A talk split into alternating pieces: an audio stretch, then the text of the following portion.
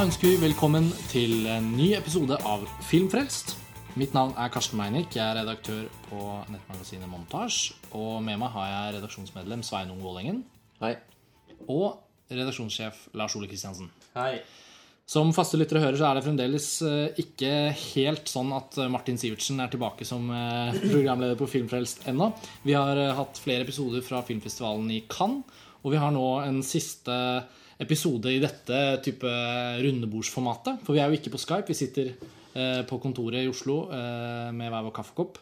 Og sikkert i episoden etter dette så returnerer vi nok til vårt faste format. Virtuelle Virtuelle rundebord som Martin har eh, introdusert så utrolig mange fine ganger på Filmfrelst tidligere.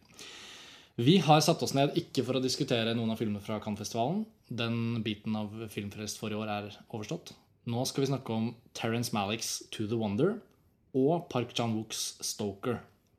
Og bare veldig generelt om det at de to filmene skal snakkes om i dag. Det er vel to av liksom rent sånn autørfingeravtrykksmessig to av de autørene som kanskje er nesten det mest gjenkjennelige altså Det er jo mange som kan passe for den beskrivelsen, men akkurat disse to er jo veldig veldig sånn sterke avtrykk eh, i liksom autørgruppa som jobber eh, nå, sånn helt på det høyeste nivå. Mm. Og begge har premiere i løpet av en uke nå. To The Wonder har hatt premiere for noen uker siden, og Stoker har premiere denne helgen. Og Hvordan har liksom forventningene vært til disse to? Skal vi ta en bare veldig kort runde på det? Ja Skal jeg begynne?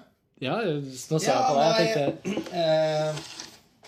det, det er egentlig litt vanskelig å snakke om uten å spolere noe om hvilke meninger som skal framkomme. For det, Veldig veldig kort, da. Stalker, for eksempel. Ja, altså, Stoker, Engelskspråklig debut for Park Chan-wook. ja, jeg er veldig fan av Park Chan-wook, og sær, da, særlig Oldboy, i likhet med de fleste andre. Ja. Eh, og, og den bare måten prosjektet har blitt presentert på, og, og, og bildene og, og trailerne og sånn, har lov, har jo lovet en ganske knakende debut, syns jeg. Amerikansk debut for, for Park Chan-wook. Eh, den film Stoker opererer jo i et, eh, et sjangerlandskap som er mitt hjerte veldig nært. da En thriller eh, med en litt sånn pervers thriller. Eh, på åpenbart litt Som åpenbart låner en del fra Hitchcock. Og det er særs filmen 'Shadow of a Doubt'. Og litt sånn De Palma-esk ting inni der også. Og så hadde jeg allerede veldig sterkt inntrykk av på forhånd, da.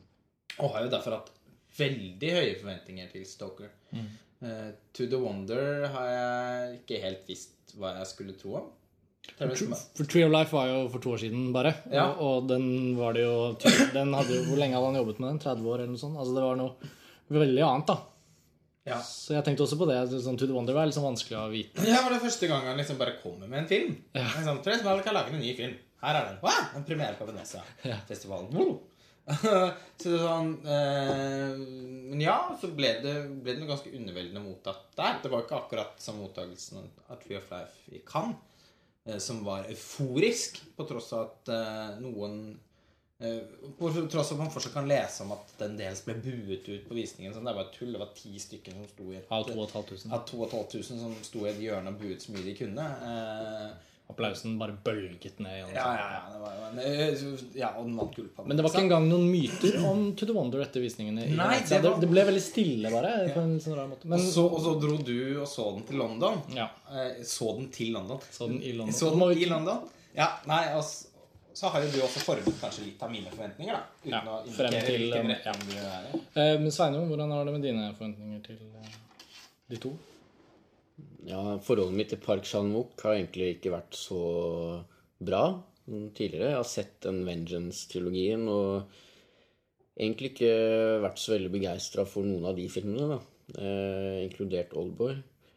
Um, men eh, jeg syns det Ja, jeg også syns det lovet veldig godt med de bildene jeg hadde sett, og, og eh, trailer og sånn. Og så må jeg nok også si at eh, det er nok ikke sånn viss kulturell Det er nok litt, litt kulturelt betinget også, at jeg faktisk er europeisk. Og eh, har fått inntrykk av at jeg kanskje ville komme til å ha enklere for å engasjere meg i Stalker enn de asiatiske filmene hans. Og det er veldig synd at det er sånn. Jeg tror det, tror det er litt sånn.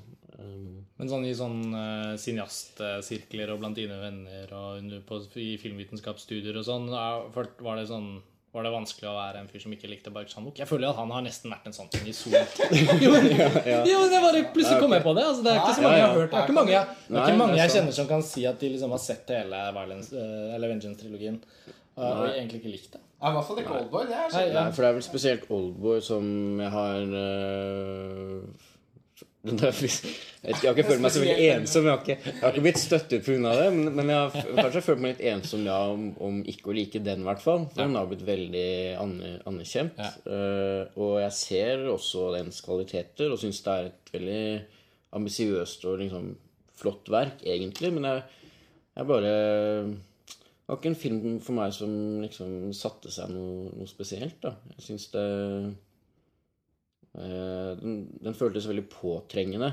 Eh, og det virka Ja, nå, nå skal jeg Men ikke da er si det jo, da er det jo bra for deg at den Spike Lee-remaken kommer. Ja, kanskje det blir noe annet. Du er vel ganske glad i Spike Lee, så da kan du jo Ja, det, var, det var ikke ment som noe sånt. Jeg bare syntes det var morsomt å Mm. trekke den samlingen. Jeg skjønner veldig godt hva du mener, hvert fall. Med det at noen uh, veldig liksom kulturelt fjerner fra oss den sensibiliteten. Mm. Nå er det litt mer i de der veldig sånn far out uh, voldsorgiefilmene fra Japan. Mm. Som blir kritikerrost opp i alle hjørner av liksom, kritikersfæren, men samtidig veldig føles veldig distanserende for meg. Mm. Men, uh, men ofte så kan det hjelpe, egentlig, da. Å få den fortalt i en kulturdrakt som man kanskje har lettere for å bli Men så er det jo problematisk. Hvis man, hvis man ikke har et veldig intenst forhold til asiatisk kultur og eh, Mm. har samuraisverd eh, samuraisverd over senga og leser Sånn som du har, selvfølgelig. Du har, Jeg har nok ikke det. ja, den, den derre bambus... Nei, jeg bare tuller. Men, men, men med Malik, da. Eh, nei, ja, jeg, jeg har ha et innspill også til dette her, da. Bare som, eh, eh, som litt sånn støtteerklæring, holdt jeg på å si, til din eh, litt sånn Ja, til din avstand da til Park Chan-wook sine filmer. At eh, de er veldig Særlig Nå syns jeg Oldboy er den som er det i minst grad. Det er derfor jeg liker den best òg. Jeg syns også Thirst er ganske e- Den syns jeg egentlig er også på noe vis litt europeisk i sin støpning. Altså eh, Park har jo også snakket om at hans hovedinspirasjonskilde til, til, til å lage Oldboy var europeisk litteratur. Kafka og Dostojevskij og, og jeg tror nok noe av grunnen til at han har blitt så populær i Vesten, nettopp er at han også er ganske vestlig. Derimot, de, and, altså de andre filmene i Hevn-trilogien de, er, de er jeg også, har jeg også en mer distansert relasjon til. Da, og det handler vel også litt om at Jeg vet ikke. Det er eh, det er noe, Han bruker sånn noen, Det er nok noen mytebilder og noen arketyper og sånn der som kanskje vi kan ha problemer med å forstå fullt ut. Pluss at jeg syns uansett i all hovedsak at det er positivt at han nå har laget en amerikansk film. Jeg tenkte med en gang at det var noe bra. Noen ganger så tenker man jo 'Å nei, skal dere til Hollywood og sell out', liksom. Men han tenkte at det er bare masse muligheter. Kult for han å kunne jobbe på litt høyere budsjett. Eh, kanskje også fint å bevege seg litt fra den sørkoreanske Jeg holdt på å si tonen, da.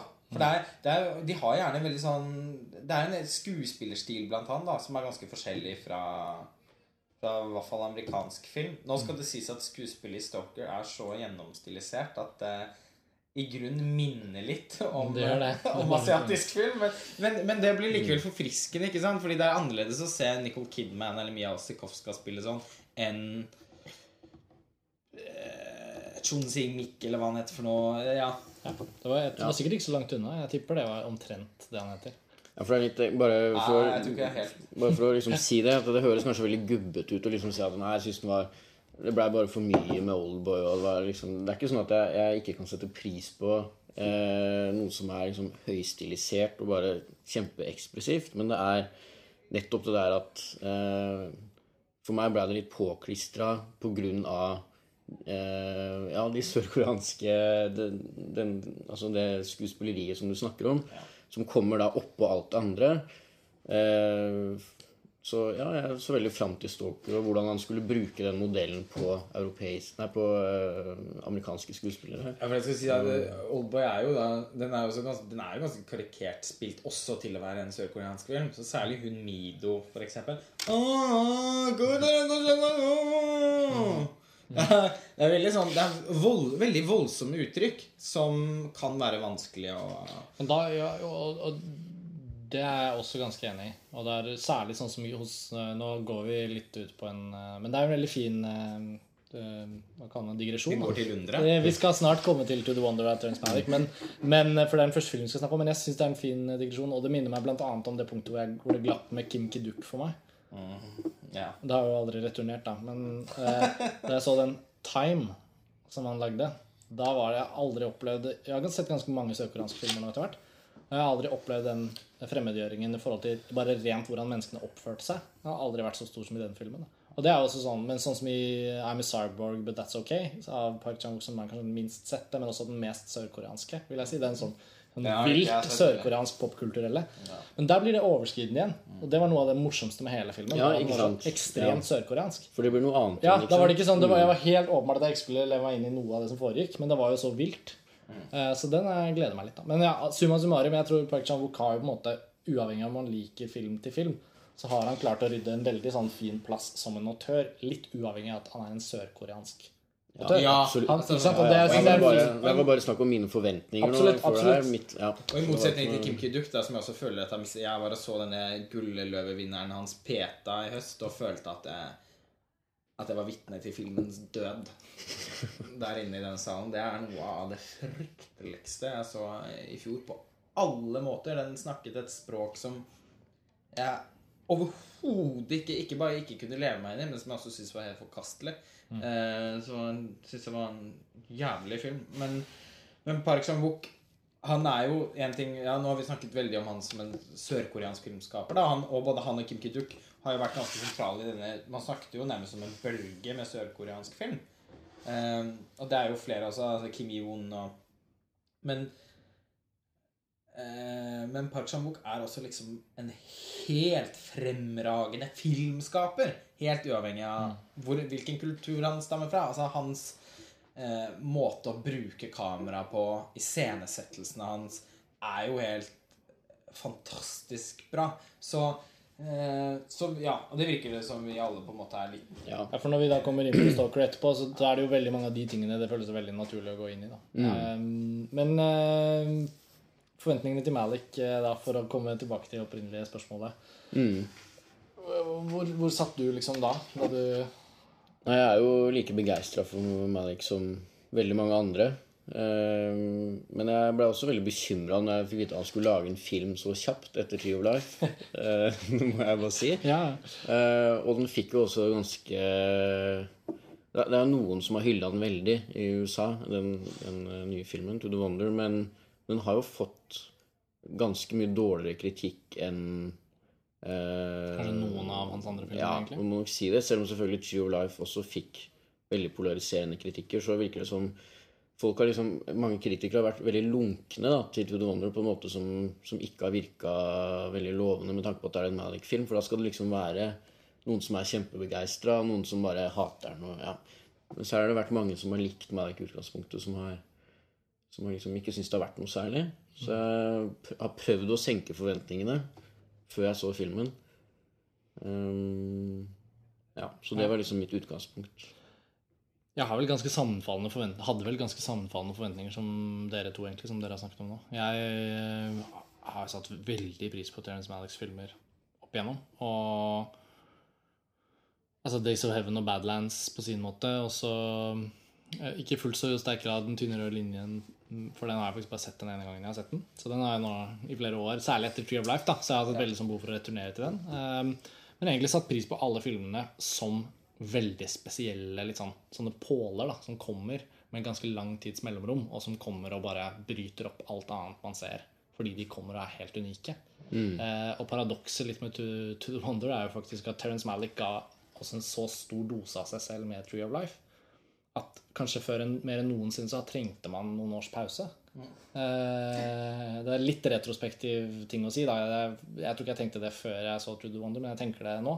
Um, så forventningene mine var jo veldig sånn Herregud, nå er han etter å ha forløst Tree of Life, så har han liksom bare løsnet. Og det har han jo tydeligvis, for han har laget to eller tre andre filmer som ikke er ferdige ennå, i tillegg. Sånn at det vil jo fortsette å komme mange Terence Malick-filmer på rad nå. Men ja, og, så det var, som du sa, Lars Ola, fra Venezia og frem til jeg da fikk sett den, så, så, så havnet jo de forventningene på et veldig rart sånn sted. Jeg tror, kunne nesten ikke tro det. at Da jeg til slutt så den, så var det jo veldig sånn Det var noe sånn hverdagslig over å gå og se den. Jeg, den var kommet på kino i London i, tidlig i mars, eh, så, og da var jeg der en helg og fikk anledning til å se den. Jeg så faktisk Stalker og To the Wonder omtrent samtidig. Det gjorde jo du også, Sveinung. vet jeg. Eh, så, men da du fikk sett uh, To the Wonders, så, så viste det seg fort at vi to har en ganske forskjellig oppfatning av den. da. Så vi har jo blitt enige nå om at vi- vi to skal snakke litt om det først. Og så har jo du faktisk vært og sett To the Wonder i dag, Lars Ole. Ja, jeg kom med Så vi har ikke engang snakket med deg om filmen, faktisk. Um, Jeg kom fra filmen for en time siden, så Ja. dette er veldig nytt, Så... nytt og spennende. for meg. Så jeg er veldig interessert. jeg, har, jeg skal egentlig ikke noe hemmelighet at jeg har snakket med dere om den her. Dere har jo diskutert litt allerede, men det er nytt for lytterne våre. Og for meg er det veldig spennende å kunne høre dette på nytt. eh, Før jeg skal prøve å komme med en slags take eh, selv. da. For kort fortalt så har vi eh, rett og slett sett På et eller annet vis har vi endt om å se to forskjellige filmer. Eh, Det kom jo opp i samtale i sosialt lag i Cannes også at, at alle de tingene jeg syns er fryktelig mislykket med To the Wonder, representerer egentlig mange av de tingene som for deg var veldig bra. Ja. Jeg kan jo bare begynne da med å si at jeg rett og slett uh, Jeg fant nesten ingenting jeg mener var vellykket, eller som kommuniserte til meg på en måte som Som Terence Malick har gjort tidligere, men som også den typen filmer som, som sikter mot en sånn inderlig Et inderlig portrett av kjærlighet, eller eh, den typen tematikk da, som er på en måte en blanding av av visuell poesi og menneskelig nærhet og en sånn type fortelling. Det fins jo noen eksempler på filmer som prøver seg på det. Litt uten sammenligning for øvrig, men Jane Campion gjorde 'Bright Star' for noen år siden, som var en film som virkelig beveget meg. Jeg syns ikke det var nødvendigvis et veldig stort og superinteressant filmverk, men som en fortelling og som et portrett av to mennesker som forsøkte å, å finne ut av eh, sin forelskelse, men som hele tiden strevde med det så fungerte den. da. Mens, eh, mens To the Wonder selvfølgelig er både en Terence Malick-film og en film om, eh, om kjærlighet, på en måte. Det handler jo om en mann som, som henter sin kjæreste fra Eller som får sin kjæreste fra Frankrike eller fra Europa til å bli med han til Amerika. For så at det oppstår en eh, ny kontakt med en tidligere kjæreste. Da, bare for å si det veldig sånn grovt. Men da jeg satte meg ned med To The Wonder, jeg hadde en veldig sånn glassklar opplevelse av den. Det var jo på ingen måte i nærheten av noe sånn døsig Malik som noen sånn uoppmerksomme andre folk som kanskje ikke er så interessert, kan jo ofte kritisere Malik for det er så kjedelig, og det er bare strå og gress og hav og vind. Og, liksom. og så avskriver de han som en sånn bløt, kjedelig filmskaper. Men min opplevelse av To The Wonder var jo ikke preget av det. Det var ikke svakheten. Jeg var superbevisst og så dessverre rett gjennom det jeg så. Jeg følte bare at det var en Det endte opp med å være veldig mange ting som utgjorde veldig lite. Eh, vi har jo så vidt tatt den samtalen før, da, men det var grunnleggende mine problemer med filmen. Og de var jo ganske De ble jo så grunnleggende at de, jeg så nesten ingenting eh, å like. Nei. Og det til tross for at du da har likt alle Ja, ja. tidligere filmer. Så, ja, men det er interessant om du liksom hva, hva er det for noen konkrete ting som du liksom Hvis du prøver å gå litt For det, tilbake i for det filmen. aller første og det viktigste syns jeg ikke filmen klarer å portrettere noen mennesker. da. Eh, Jeg syns at eh, de figurene som spilles av Ben Affleck og Olga Kurylenko, og for så vidt Rachel McAdams også, og ikke minst Javier Bardem, som er kanskje de fire rollefigurene som er åpenbart størst i filmen, eh, med Ben Affleck som en hovedperson Ingen av dem på en måte fremsto for meg som menneskelige gjennom scene etter scene. Det var, det var det var åpenbart et veldig stilistisk grep på at de nesten ikke snakket med hverandre. Det var nesten ikke noe dialog i filmen. Men, men jeg syns ikke den typen kommunikasjon de da hadde med hverandre, gjennom blikk og gjennom måte, situasjoner og følelser som på en måte skulle finne sted i bildene og overgangene og liksom hvordan det fløt, der oppsto det ikke noe menneskelighet for meg. Og da heller ingen inngang i filmen. Tree of Life er en hyperambisiøs og liksom kosmisk eh, fortelling. Men Særlig pga. den barndomsskildringen med de, eh, altså Sean Penn som liten, og forholdet deres til faren og moren Jessica Chastain, og hvordan de i sitt miljø forholdt seg til det. Innenfor samme type filmspråk, men med en eller annen menneskelighet som i hvert fall jeg koblet meg veldig på. Da. Så syns jeg det, den menneskelige kjernen kunne jeg liksom hente fra som et batteri for å liksom leve gjennom alle disse kosmiske greiene som foregikk, og, og plassere meg selv inn i det. Mens i To The Wonder så opplever jeg at jeg uansett hvor hardt jeg prøvde, så fantes det ingen vei inn. Så både ble jeg sittende veldig distansert, samtidig som den distansen dessverre da, gjorde at jeg begynte å se på Maliks filmspråk som noe veldig falskt. Og det er jo utrolig sørgelig å erkjenne når man basically har elsket alle filmene hans, og de har veldig mye av det samme i seg, så ble To the Wonder på sitt verste en slags avsløring av at når Malik ikke får det til, så er det som om en dårlig Malik-film kan bidra til å gjøre de andre filmene ikke svakere nødvendigvis, men mindre interessante for meg. da. Det var, jeg synes det var, minnes veldig godt at den mest drepende formuleringen du kom med etter at du hadde sett den i London, var at dette var litt som By og Rønning-versjonen av Terence Malick. Aka at han har gjort liksom den ultimate parodien av seg selv. Fordi det har alltid vært veldig lett å parodiere Terence Malick.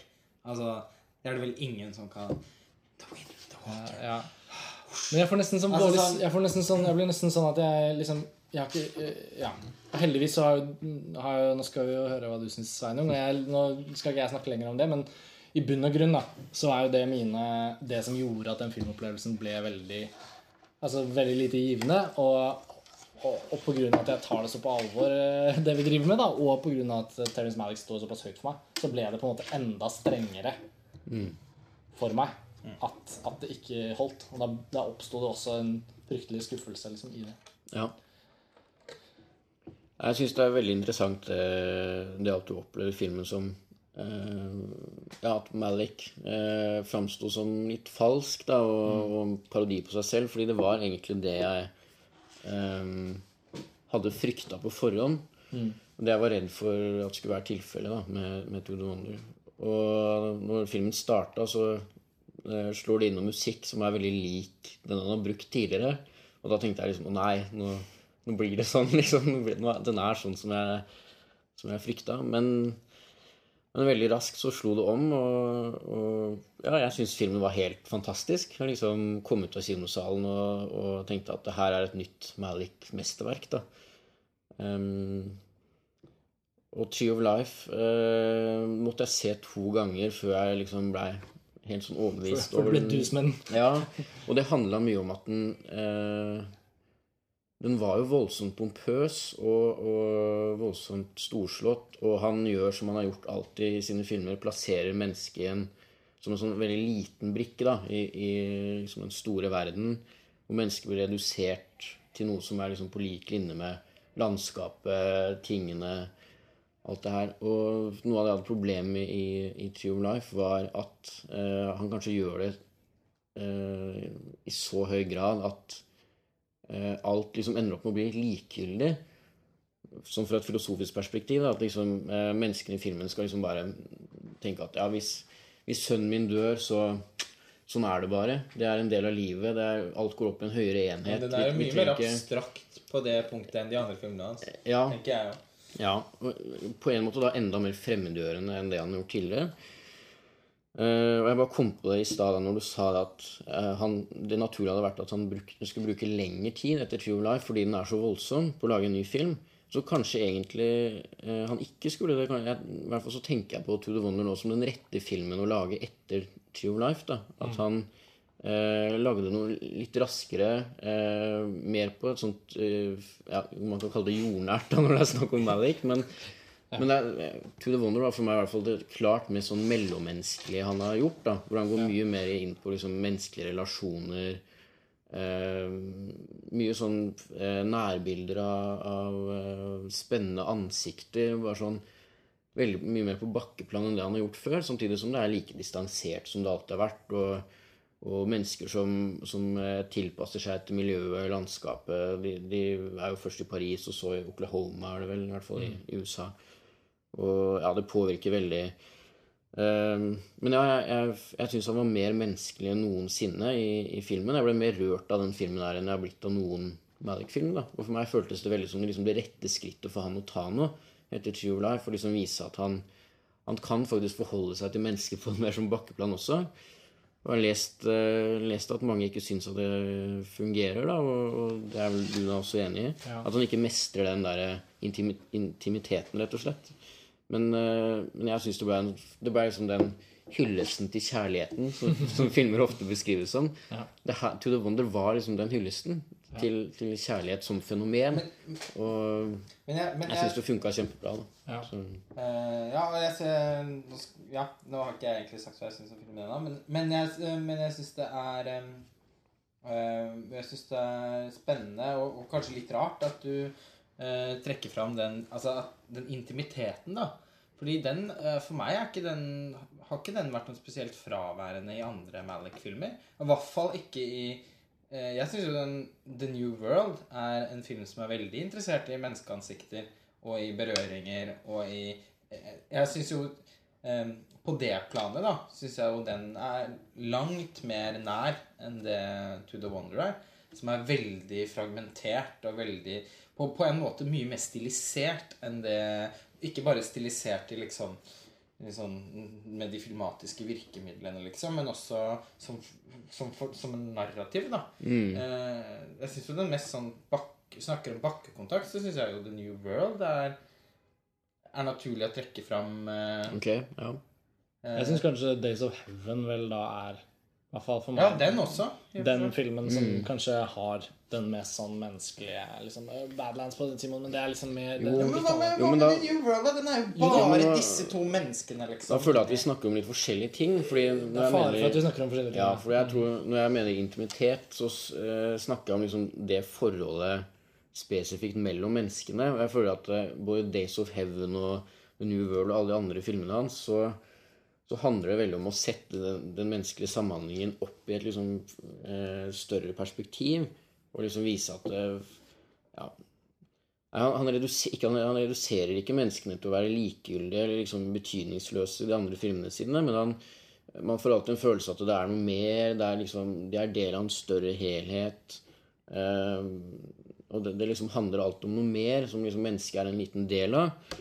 Eh, ja, og, og det syns jeg han, han Han gjør det i To the Wonder også, men han gjør det på en annen måte. Hvor han liksom går mer inngående inn i det forholdet da, mellom ja, Ben Affleck og disse to kvinnene. Og, Men, ja. men det handler mye om Men det virker Men samtidig så er det Jeg syns den også er veldig sånn at det er en del av noe større, da. Altså med, med denne presten som søker etter Gud. Ja, ja. Så Det er en Malik-film. er- deg. Ja, men, jo, men veldig, i veldig eksplisitt grad. Det er det jo ikke i The Thin Red Line eller i, eller i The New World. Um, litt i Tynn rød linjen er vel kanskje litt der. Ja, jeg syns, kanskje jeg litt. syns det. Ja, jo. Men det Men, tror jo, men, jo, men altså, jeg må fullføre det. Fordi eh, Ja, men jeg bare syns det er jeg, eh, Jeg synes det er in veldig interessant at du ser det sånn, fordi eh, den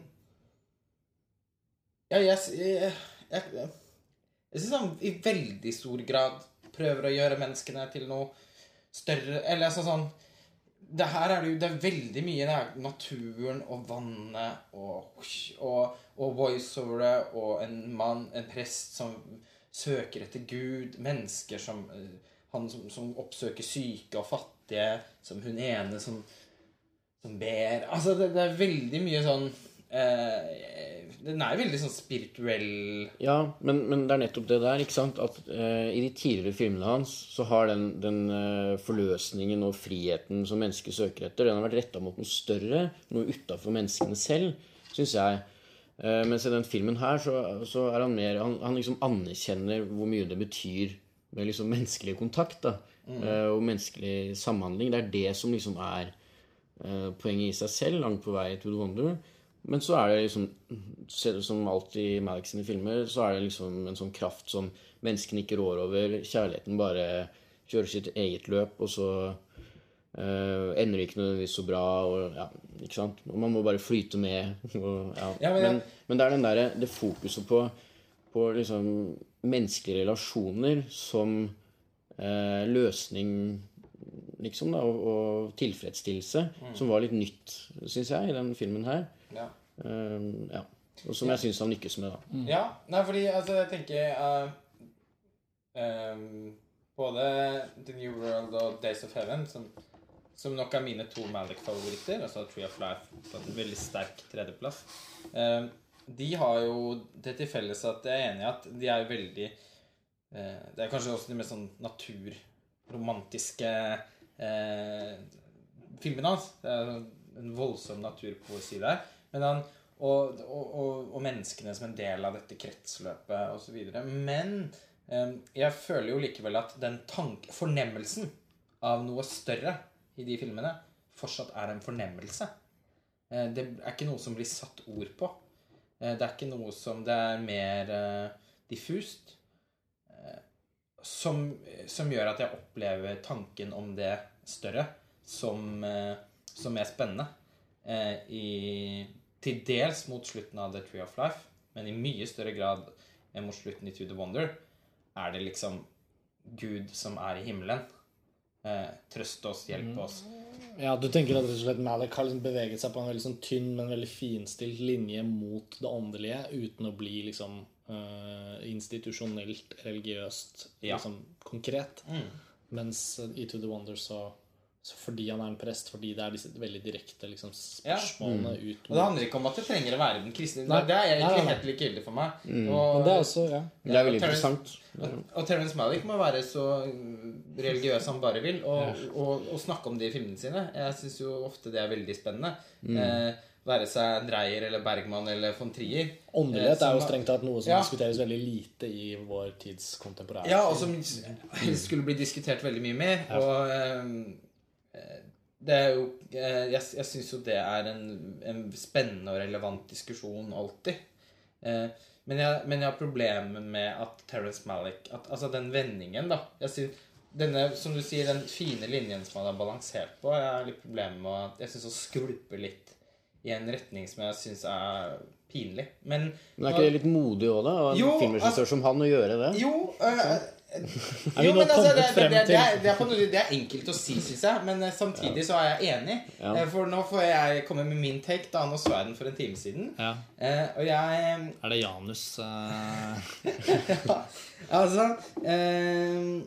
Denne filmen Det er ikke noe tvil om at denne filmen innbyr jo til Altså Etter din blodsprutende slakt, eh, Karsten, så, så hadde jeg jo Altså Forventningene var jo virkelig jekket ned. da Eh, og de har vært her så lenge, så Sveinungs tilbakemelding piffet jo litt de opp. Og så har jeg lest anmeldelser og sånn. Det må jeg skyte inn også. Da du sa til meg, særlig Cannes da vi hadde den samtalen, hvor godt du likte den filmen, så ble jo jeg også veldig glad. Selv om Ja. jeg visste at jeg aldri kom til å kunne ha den samme gleden. Det kommer andre filmer jeg kan elske, på en måte. Men, men jeg ble veldig glad, for jeg følte litt at To The Wonder det var en tapt sak. altså. Jeg, jo, en og annen positiv anmeldelse her og der som jeg har lest. Jeg har lest det og gledet meg over det. Men jeg, sy jeg, følte så, jeg følte meg så trygg på at min lesning var liksom det, det kan jo ikke være bra for noen. Nei, og det, Eh, og det var veldig jeg delte jo den med deg, Lars. Ja, eh, Jeg vet ikke om det var bra eller dårlig. mye altså, Og vi har snakket så mye om den nå. Du, har, jo hatt mange runder med og jeg har jo, må innrømme at jeg fryda meg litt over de eh, For jeg har sittet og ventet litt på at eh, Jeg syns Tree of Life er helt fantastisk, eh, men, men den har et eh, den, de, de siste, Det siste kvarteret i den filmen er dypt uheldig. Eh, og plager meg veldig, for det gjør faktisk at jeg ikke kan at Det gjør at jeg kan like filmen 99 eh, men, men aldri kan nå opp til de 100 fordi at måten, måten han avslutter en film på, er strengt tatt veldig riktig. Eh, og der sklir det helt ut med disse Paulo Coelho-aktige Og Ja. mer, kan jeg bare få skyte Ja. Jeg har mye mer problemer med liksom, de New Age-greiene han holder på med der, er- enn den kristne tematikken. Fordi Ja. der føler jeg han bare viser liksom hvilket behov menneskene har for å liksom Ja. søke seg mot noe åndelig og noe, Ja, noe mer. enig. Så jeg, jeg tenker ikke på meg Jeg tenker på meg som en filosof med et kamera, på en måte. Ja. Og- Men det blir ikke men- helt nattverdsgjestene av eh, To the Wonder av Nei, den grunn. nei, nei, herregud. Og uh, Ja, men i den grad den skal være et mesterverk, så må man jo forvente Eller liksom, det er jo lov å håpe på det da. Og jeg møter Terence Malick sine filmer med en idé om at det skal være et mesterverk. For Han er han. kapabel til alltid å lage en av de beste filmene som er lagd noensinne. Ja. Så tenker jeg sånn Gjør han det denne Og han har stort sett alltid gjort det ja. Eh, og til og med jeg som, som er vel fryktelig svak for The New World, da, som vel er den mest mislikte av de tidligere filmene hans, eh, Mislikte eller mislykkede? mislikte. Ja, ok. Nå ble jeg usikker. Ja, nei, for meg er det nok mesterverket hans. Men det, det virkelige mesterverket. Men mm, Jo. Eh, det, det er jo en film som liksom virkelig ofrer seg. Altså, den legger seg jo ned klar for å bli hugget opp i biter av de som måtte ha lyst til det. Den innbyr på en måte til slakt hvis, hvis man har det Hvis man har det i seg til å kunne gjøre det. Eh, så legger den seg ned, liksom. Eh, og, og, og klar for å bli hugget opp i biter og, og, og solgt over disk som vakuumpakket grytekjøtt. Eh, Litt sånn som jeg holder på, da, egentlig. Ja, jo, men dette er gjenspeiler litt din tilbakemelding. Ja, ja, Fordi jeg ja, forstår den tilbakemeldingen grusomt godt. Eh, eh, Bedre enn jeg skulle likt. Ja. Men altså, Men- hvor står du Ja, for det er jeg eh, Ja, og Altså, det er jo i seg selv Terence Maddicks filmer er jo liksom likevel en såpass stor kunstnerisk begivenhet at det er vanskelig å felle en dom så kort tid etter at man har sett den. Eh, og jeg har absolutt lyst til å se den igjen, men eh, jeg er nok veldig på midten da, mellom begge dere to. Jeg syns eh, På en måte syns jeg filmen har et ynde og en, og en sånn søken, et søkende vesen som på en måte som minner litt om liksom en 17 år gammel jente som har skrevet et dikt i Dagbladets eh, månedlige diktkonkurranse. Eh, og det er ganske utrolig å få til, egentlig, når du er eh, en aldrende filmskaper som allerede har utforsket livet og verden gjennom filmene dine i en nesten utmattende grad. Eh, det å fortsatt ha den ha evnen til å ha det møte verden med det blikket der, det er, er litt utrolig i seg selv, syns jeg. Og det gjør at filmen blåser meg av gårde et veldig godt stykke på vei. Eh, den begynner jo med en slags eh, Jeg kan nesten si. Den, vil Filmen er fortalt i fire deler. Først er det en del de, med de i Frankrike. Altså Ben Affleck og Olga Kurenko. Jeg opplever dog ikke Ben Affleck som filmens hovedkarakter i det hele tatt. Jeg syns det er Olga Kurenko eh, som er det. Eh, og Rachel McAdams i den delen hvor hun er. Jeg syns jo Ben Affleck bare er en sånn skygge i bakgrunnen som binder deg sammen. Eh, jeg synes, eller, det, er, det er jo jeg synes det er, For meg er det ganske åpenbart at det er jo ikke hans blikk som styrer denne filmen. Det er jo, hen, det er jo kvinnenes blikk. Eventuelt Maliks blikk. Ja, men, men, men jeg, særlig hun Krylenko. Jeg syns jo det er hennes altså hennes Måten hun uttrykker at hun opplever verden på i filmen, syns jeg på en måte også innreflekteres i kamerabruken og i det hele tatt. Ja, jo, Men, men øhm, og, og det er hennes sinnsstemninger som kommer fram i, liksom, i det visuelle. da Og Racing Back Adams i hennes del. eh, skal vi komme tilbake til. Men, men ja, og den begynner liksom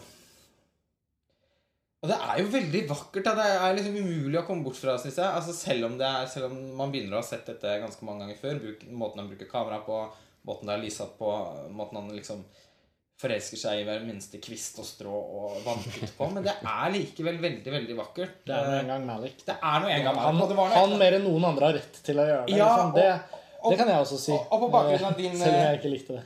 Ja, og, på bakgrunn av din eh, slakten din, da, så var det liksom bare det at det første bildet inne fra toget der, med, eh, hvor de to sitter på hver sin side eh, Da fikk jeg dem eh, umiddelbart til å liksom puste litt ut. Og bare sånn Ja, ja, ho, du må ikke glemme noe. Det er jo faktisk det er, Han kan jo med det, liksom, å lage bilder. Og det, og, og det er veldig gøy, syns jeg. Det var en av de største gledene med å se filmen. Å se Terence Malick i en altså i en kontemporær setting. Det har vi ikke sett før. Bare det i seg selv. Å se han liksom, tivolikaruseller, eh, parker i, med, med, med folk med handleposer i, i Paris, eh, Mac-er med Skype og mobiltelefoner Bare det i seg selv var jo liksom Gjør den jo litt viktig i liksom Malik sin Det var jo til og med noen bilder fra mobilkamera der. Sånn, Ja, i helt, helt Grenseoverskridende. Det var jo de aller første bildene. Ja. Første digitale bildene Ja. Malik har brukt i en spillefilm? da, eller? Er vel det. Herregud, nå må vi registrere. Og så, eh, og så men, men jeg opplever liksom første delen er egentlig en slags prolog, syns jeg. Eh, bare de, den er jo dels veldig vakker, dels også ganske pinlig, egentlig, i sin liksom eh, Bare Det er jo det, det må jo nesten du få så- utdype litt etterpå, Karsten. For det er laget så mye fin humor rundt, syns jeg. Men måten hun Olga Krylenko hele tiden danser på, Ja. det er en forferdelig forstyrrende element. Ja, du, får komme til, du får komme til forsvar underveis her nå, Svein, sånn at vi får alle mulige innspill på alt. Men for å plukke den tråden kort, så syns jeg jo også da at nå som du har definert Olga Kurolenko litt som en hovedperson eh, Jeg må innrømme at jeg hadde ikke så behov for å definere Ben Affleck som en hovedperson. Jeg bare opplevde liksom at litt i konstruksjonen der så lå jo han der. Ja, han ble liksom en sånn han ble liksom midten av karusellen, da, som de andre liksom svevde litt sånn rundt. på en eller annen måte Men det betyr ikke nødvendigvis at han var magneten. Eller liksom Nei, jeg, uansett. nei, jeg, jeg, Men jeg synes jo kanskje- voiceover er jo nesten hele filmen. Ja, altså. og jeg synes jo, men jeg syns jo kanskje en av svakhetene i seg selv var jo En av de svakhetene var jo rett og slett at i mitt problem med å finne noen å bry meg om, så brydde jeg meg heller ikke så i stor grad om hvem av disse er det jo egentlig som gir meg denne fortellingen. Og så syns jeg jo at Olga Kurilenko, eh, som jeg har sett eh, i eh, Quantum of Solace tidligere, men ikke egentlig har knyttet meg så veldig til som skuespiller Hun gjorde vel ikke Det var helt fantastisk i igjen. Nei, men jeg syns hun gjorde en dårlig Jeg synes hun gjorde en svak innsats i den forstand at hun eh, bidro heller ikke til, eh, til involvering. Da. Tvert imot så oppsto det en distansering, særlig gjennom at hun i veldig mange sekvenser er instruert til å henvende seg til kamera. Og da oppstår det for meg en ganske sånn påtatt flørt, kan man si, mellom Kurulenko og Malik. Eller kamera, eller hvordan vi skal definere det. Men i det så syns jeg også det, det var noe av det veldig sånn påtatt Malikske. Selv om det er Malik som har gjort det, så syns jeg at i møtet med Kurulenko så oppsto det noe sånn Ja, det var bare noe sånn påtatt. Ja. Eh, er- som han ikke klarte det å er- viske vekk. Og det er, helt, det er helt fint at han har sitt uttrykk, og det, som vi i utgangspunktet også er veldig glad i, men han må jo kjenne sin begrensning også, og la en, en, en voksen karakter eh, nesten hele filmen igjennom danse rundt i noen slags piruettlignende bevegelser og blafre med hendene i retning kamera. Det er jo ikke et godt kunstnerisk valg. Det er kult Med mindre det skal-. Ja, og liksom, det kommer Har hun vært på har hun, har hun, har, ja, men liksom, har hun vært, har hun vært på Jeg tenkte mye har hun vært ballettdanser, er det det? Men det kommer jo aldri fram. Greit nok, kanskje det skal være liksom bare en ting som ligger der, men det er ikke noen grunn til at det skal ligge der. Men det er ikke så jævlig spennende hvis hun har vært en ballettdanser, og det på død og liv skal komme fram. Altså, Hun danser seg liksom gjennom livet, og det er dessverre Forstyrrelsesstemme. Ja, det er dessverre veldig latterlig. Eh, uansett hvilken filmskaper det hadde vært snakk om. Eh, eh, syns jeg det er uheldig. Ellers så syns ikke jeg hun er ille. Jeg synes hun har, hun har et veldig hun har en eller annen melankoli i uttrykket sitt som jeg syns er fint. Jeg vet jo at Lars von Trier i utgangspunktet hadde tenkt å kaste henne til hovedrollen i Melankolia fordi at han syns hun var først og fremst både veldig vakker og veldig østeuropeisk og melankolsk på en gang. Eh, og Og når filmen skulle hete 'Melankolia', Ja, ikke sant? Eh, Passer er- i Lars von Triers Det er jo noe litt Det er ikke noe litt sånn melankolsk ved ja.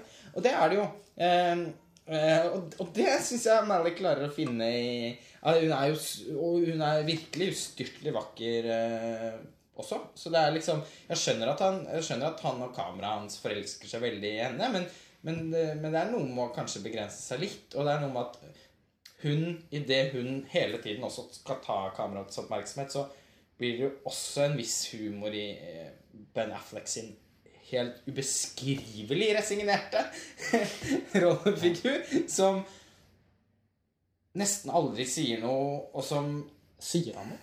Ja, Han sier li, altså litt litt i den kommunikasjonen med han naboen som har sånn gift i bakken når de det er holder på. Det var i og for seg et veldig flott element.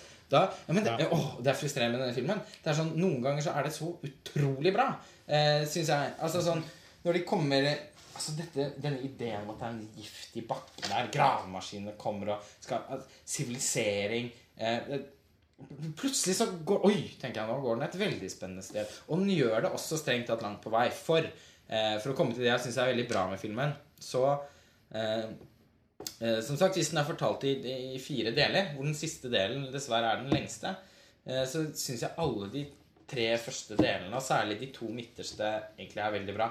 Eh, den som I den delen nummer to, på en måte, da, hvor eh, Krylenko og datteren hennes flytter med Ben Affleck til USA, den ble jeg veldig grepet av. Det synes jeg var Den følelsen av å komme til et nytt sted fanger han helt utrolig, syns jeg, i, i, i de sekvensene der.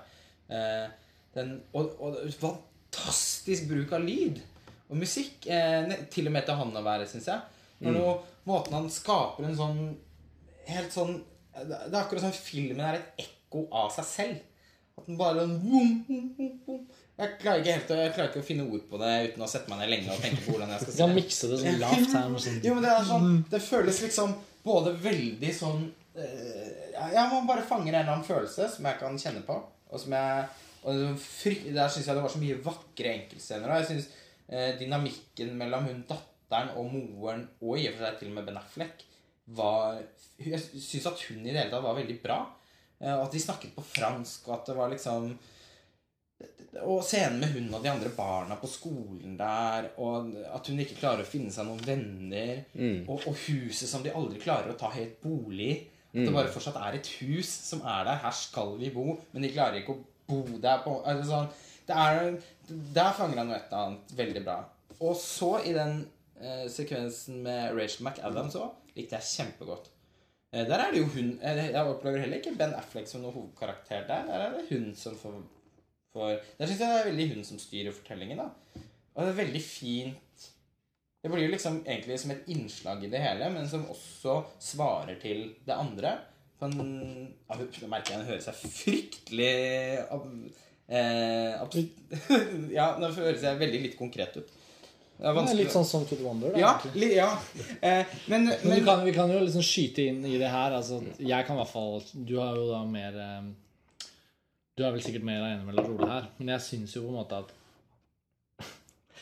Til og med det, da. Til og med den sekvensen som jeg kanskje tenker da er den det er lettest å la seg rive med, for der er det noe veldig konkret. De drar til Amerika, det er dette barnet, det er det hele denne Det er også ikke sant? Vi har vent oss til at filmen foregår i Frankrike. Vi tas med til et nytt miljø. Det er veldig mange ting som ligger til rette for at man skal måte dras inn i fortellingen der. Men jeg Jeg syns uh, utfordringen som ikke Eller det jeg slet med og ikke kom inn i, var jo, de, var jo noen av de samme overhengende tingene. For filmen har, vart, har fremdeles vart en god stund på det tidspunktet. Og jeg syns at så lenge, så lenge jeg ikke Særlig Olga Kurylenkos karakter da ble veldig distanserende for meg i seg selv. Og, og da ble det egentlig bare en utvidelse av det påtatte. At, at, eh, at hennes liksom, situasjon som ny i Amerika liksom, sånn, Den opptegningen der ble for meg liksom, alle sånne Alle de faste knappene. Liksom, hun, barnet på skolen og liksom sånn Det ble veldig platt for meg. Mm. Og det er jo på en måte utfordringen med alle sånne ting på film. Når det er noe litt sånn helt sånn enkelt og basalt. Sånn der, du kommer til et nytt sted. et nytt sted. Og akkurat sånn i motsatt fall. Noen ganger så kan jeg like en film bare fordi den har en historie som er utrolig enkel, men som jeg alltid har likt. Sånn, noen, noen kommer til Amerika. Det, for eksempel, det er liker jeg. Skjønner du hva jeg mener? Så jeg ser jo at liksom Men akkurat i denne filmen det så var nesten samme ja, men akkurat i denne filmen var det jo bare ingen Det var bare ikke noe der når jeg hadde mistet taket så tidlig. Og så syns jeg også på tidspunkt senere andre filmen så ble det bare verre. da Et av mine hovedproblemer ble jo på en måte hele den Javier Bardem-tråden. Ikke bare Ikke bare av liksom at den var sånn frag, fragmentaktig i fortellingen, og også liksom veldig sånn uttalt religiøs. Det var ikke noe problem som tematisk, eller du må gjerne stille de spørsmålene. Men jeg syns liksom skildringen av det ikke var noe bra. Eh, Den ble liksom også karikert for meg. Men ja. Akkurat den um, Javier Bardem-delen uh, har jeg Jeg likte det også, jeg, men, men var litt vanskeligere å på en måte plassere det i fortellingen. Ja. Og liksom hvilken plass det har sammen med det andre. Men, men jeg, jeg syns uh, Olga Krylenko var, uh, var veldig flott i hele filmen, og også veldig troverdig som uh, Ja, en sånn uttrykksfull, søkende kvinne, da. Uh, og det er klart det, det blir litt latterlig når hun danser rundt og altså man, man merker ikke så mye av den troverdigheten og, og det menneskelige når hun liksom danser rundt for seg selv ute på åkeren eller hvor det nå er hun er. Eller inni i dagligvarebutikken. inni dagligvarebutikken. særlig den. Syns synes jeg var den aller leieste. Men, men det er liksom Det er Malvik for meg. da Han bare Han tar det derre Ja, han, han, tar den derre uttrykksfulle kvinnen og bare blåser litt opp, og så er det greit for meg, da, i hvert fall. Jeg, Ja, ja. jeg syns bare det var mer engasjerende, mer rørende, og, og klarte å, å relatere mer på grunn av det. Ehm, nei, nei, som sagt, jeg må understreke det. Jeg- opplevde den som en veldig troverdig eh, figur, da. Og og det her med at de kommer til et nytt land og sånn, det, det tenker jeg da, da viser det oss at eh, her er det ting som er interessant i Tude Wonder, som også går utenfor hele den kjærlighetshistorien og egentlig sånn spesifikt rollefiguren og sånn. For det er jo sånn tilbakevendende tema hos Malik, egentlig. At noen er på jakt etter en slags sånn Edens hage, et nytt paradis hvor de liksom kan slå seg ned. Eh, starte på nytt, kanskje, legge fortida bak seg, eller bare, bare liksom oppnå lykke. Og så viser det seg at det er mye mer uangripelig enn det, det man først trodde, da. Og jeg likte også den skildringa av hvordan det var å liksom komme til det huset i, i USA. Eh, prøve å, å komme inn i, i liksom det amerikanske levesettet der. Den derre eh, distansen mellom eh, Frankrike Det er vel Paris som det er Ja, først? Ja, Paris, og så er ja. de på besøk på den Saint-Michel-øya utenfor La Rochelle. ja, stemmer. En slott, da. Ja. Ved gjørmen. Eh, Hvor de danser. Tidevannet. Ja. og liksom, ja, hele den kontrasten der. Um, sånn tilbakevendende Malik-tematikk og den, den siviliseringen og det som, som jeg syns var veldig spennende her også, i likhet med alle hans filmer. da. Um, så det var liksom en veldig Det var en ny Malik-film for meg, men samtidig så, så mm, Det at han liksom tar det litt med ned på bakkeplan til han å være, det gjorde at jeg følte at han liksom hadde tatt et, nå hadde han liksom tatt et nytt steg i karrieren. Det var liksom riktig, det nå, etter True Life. Så, Ja. ja, men jeg, jeg fortsatt Jeg klarer ikke å dy meg fra at jeg syns at det er veldig jeg, jeg klarer ikke helt å skjønne at, eh, at du syns at det er så mye Eller at det er liksom betraktelig mer nedpå til han å være. Fordi jeg, sy- jeg syns det er mye mer nedpå i Badlands eh, og, i, og i Days of Heaven, liksom. Og i, og, i, og i The New World, som jeg har sagt tusen ganger nå, enn her. Jeg syns denne har mer til felles for, for meg like fullt. Mye mer til felles med ja, med The Tree of Life. Altså i måten menneskene forholder seg til det ja, ja, absolutt. Men, Jeg synes men det er mer eh, Jo, men altså der, kosmisk, nesten. eh. ja, men der er det jo et sånt liksom klart skille mellom de første filmene hans, hvordan han bruker kamera der og, og tilnærmer seg menneskene og sånn, kontra de siste filmene hans. Det er vel fra og med den tynne røde linjen kanskje at det har vært Ja. litt uttalt.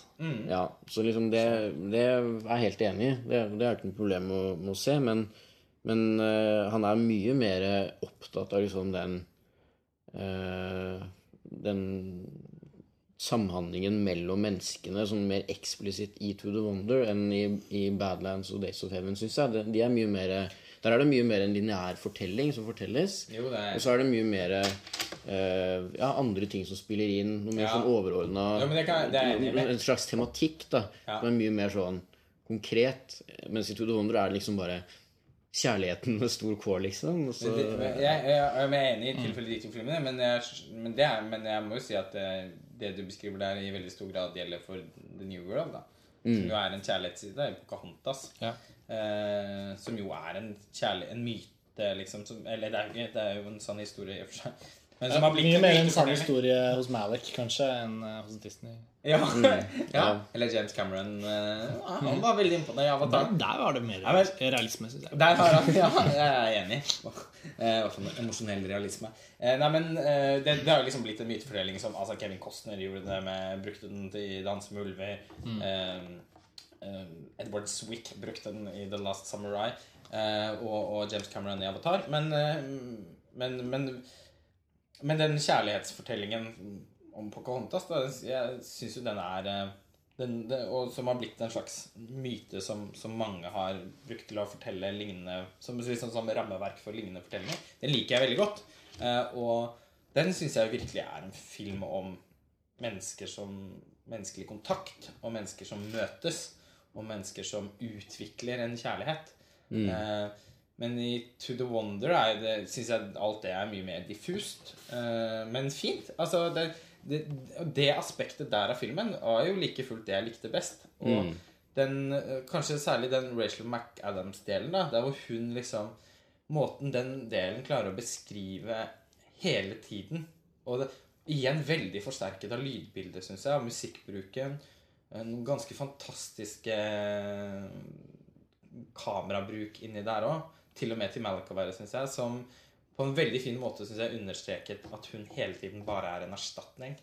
Og, den, eh, eh, og det var vondt å se, syns jeg, fordi hun var liksom så åpen i liksom hele sitt vesen.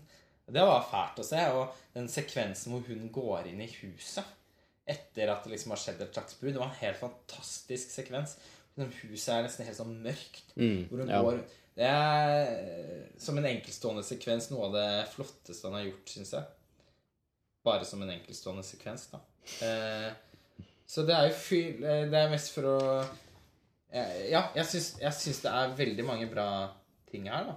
Eh, og men så, når filmen blir ferdig med den delen, og Olga Kirilenko Eller ja, spoileradvarsel her, da, men hun kommer tilbake igjen eh, fra Paris Da syns jeg filmen dør. Eh, Av mangel på bedre ord dør. ja, men da ja, men, Jo, men virkelig. Da syns jeg den sliter Ja, på, på alvor. Fordi da, ja, da syns jeg på en måte han, han Da har han allerede Da har han fått liksom Da syns jeg han har gått gjennom alt som egentlig var interessant med det han hadde. Og så skal det bli denne gjenforenings... Det er kjempespennende, syns jeg, hvordan de forholder seg til hverandre da. Ja, men det ble veldig karikert. Med hun som kaster i seg piller og spytter utover og skal at, hvorfor, Og den klassiske scenen med at alle alltid skal rive ned hele huset. Ben Affleck Ja, kaster. TV Ja, men ikke i så sterk eh, grad.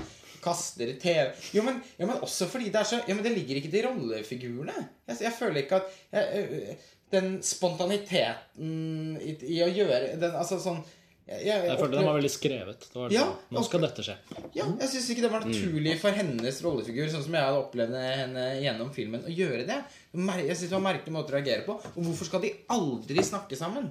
Når det Sånn som eksempel da Ben Affleck slår inn den her bil, den speilet på bilen og be, Er det ikke veldig unaturlig at de krangler uten å snakke? Da syns jeg det Da synes jeg Ja, men Hele deres kommunikasjon er jo basert på det derre Malik-kroppsspråket som han eh, filmer hele tiden. Dem imellom. Det handler ikke om, eh, om eh, liksom eh, verbalspråket. Det, det er jo Hele filmen handler jo om liksom at de to møtes.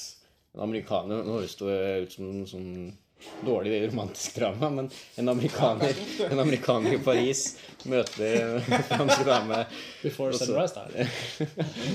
ja, men, men liksom, de har andre måter å, å kommunisere på, og så fortsetter det liksom forskjellige stadier, da. Ja, men jeg, Men jeg synes det at, det, at de, det at de har et ikke-verbalt språk, syns jeg er et litt for svakt argument. Fordi det er ikke noen Filmen ligger ikke i et sånt toneleie som gjør at de aldri skal kunne åpne munnen overfor hverandre. Nei. Det er greit nok å, å liksom Til og med John Smith og Pocahontas ender jo opp med å veksle en del ord selv om de ikke snakker samme språk. Altså, da er det jo noe sånn, det er naturlig for den fortellingens progresjon at når hun etter hvert klarer å kommunisere med han, og Ja. vice versa, så finner de et språk. Og jeg jeg, ja. ja, og her er det noe med at liksom, hvis man skal lene seg på det at de har et sånt type språk, så Nå skal jeg være tåpelig. Så hadde det passet bedre at han hadde skrevet henne som en slags døv døvstum figur.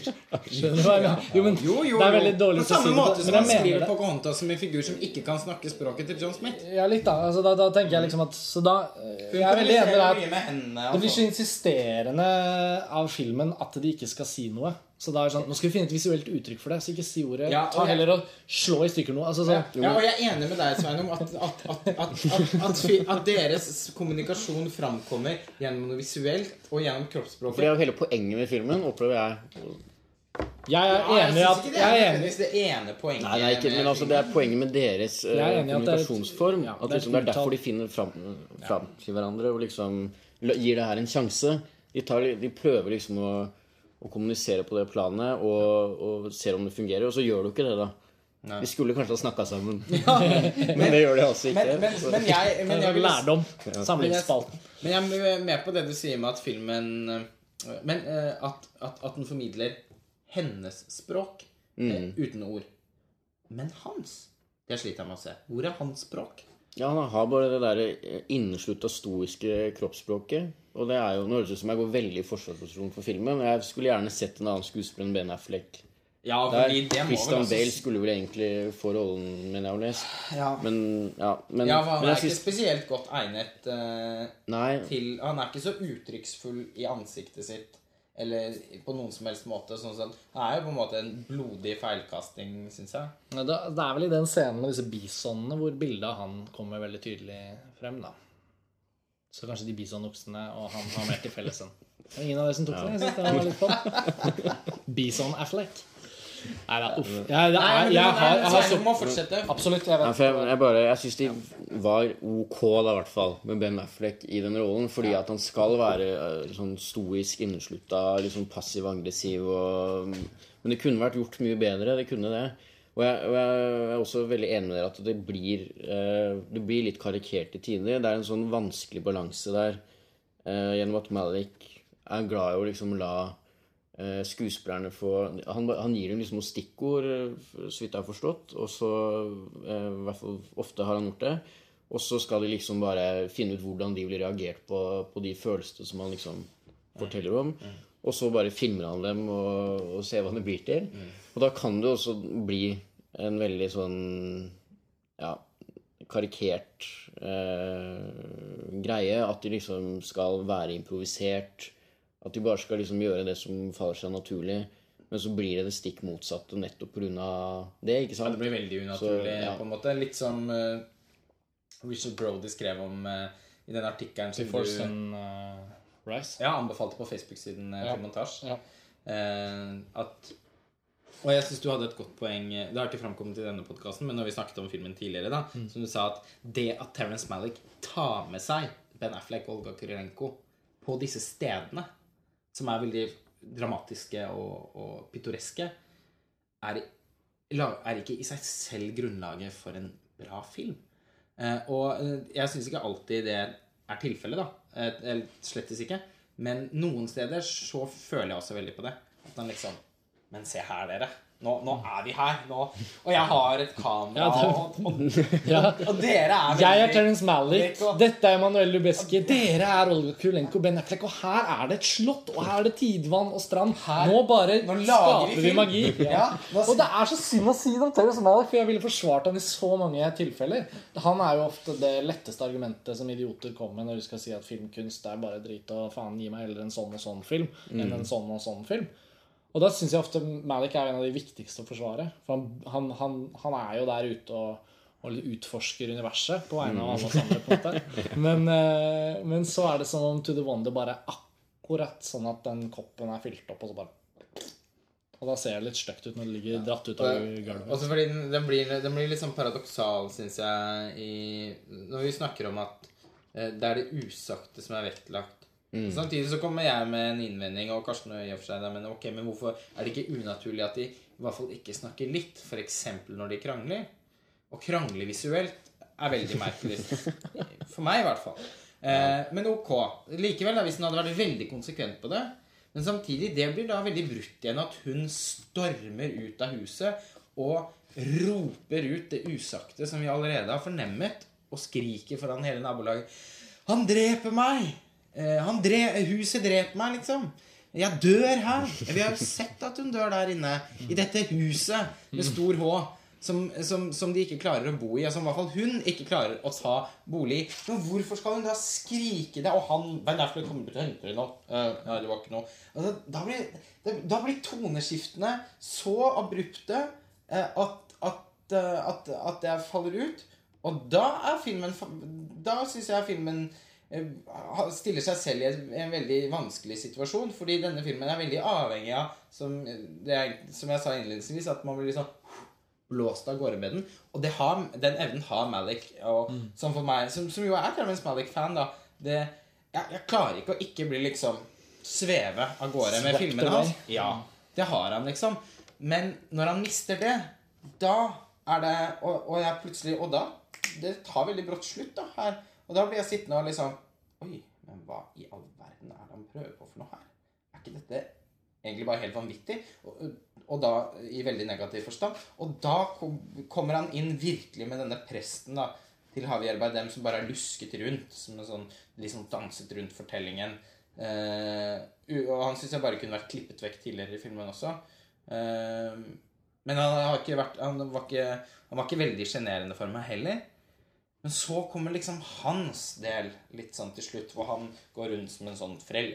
Så det å møte folk med Downs syndrom, som ønsker at han skal bli der. Han må reise videre fordi han søker etter noe større. Og så blir det veldig eksplisitt med voice-sound. Jesus Kristus, du som er i himmelen, trøst meg, jeg tørster etter deg. Det er i og for seg ganske mye bløt poesi tidligere i filmen også.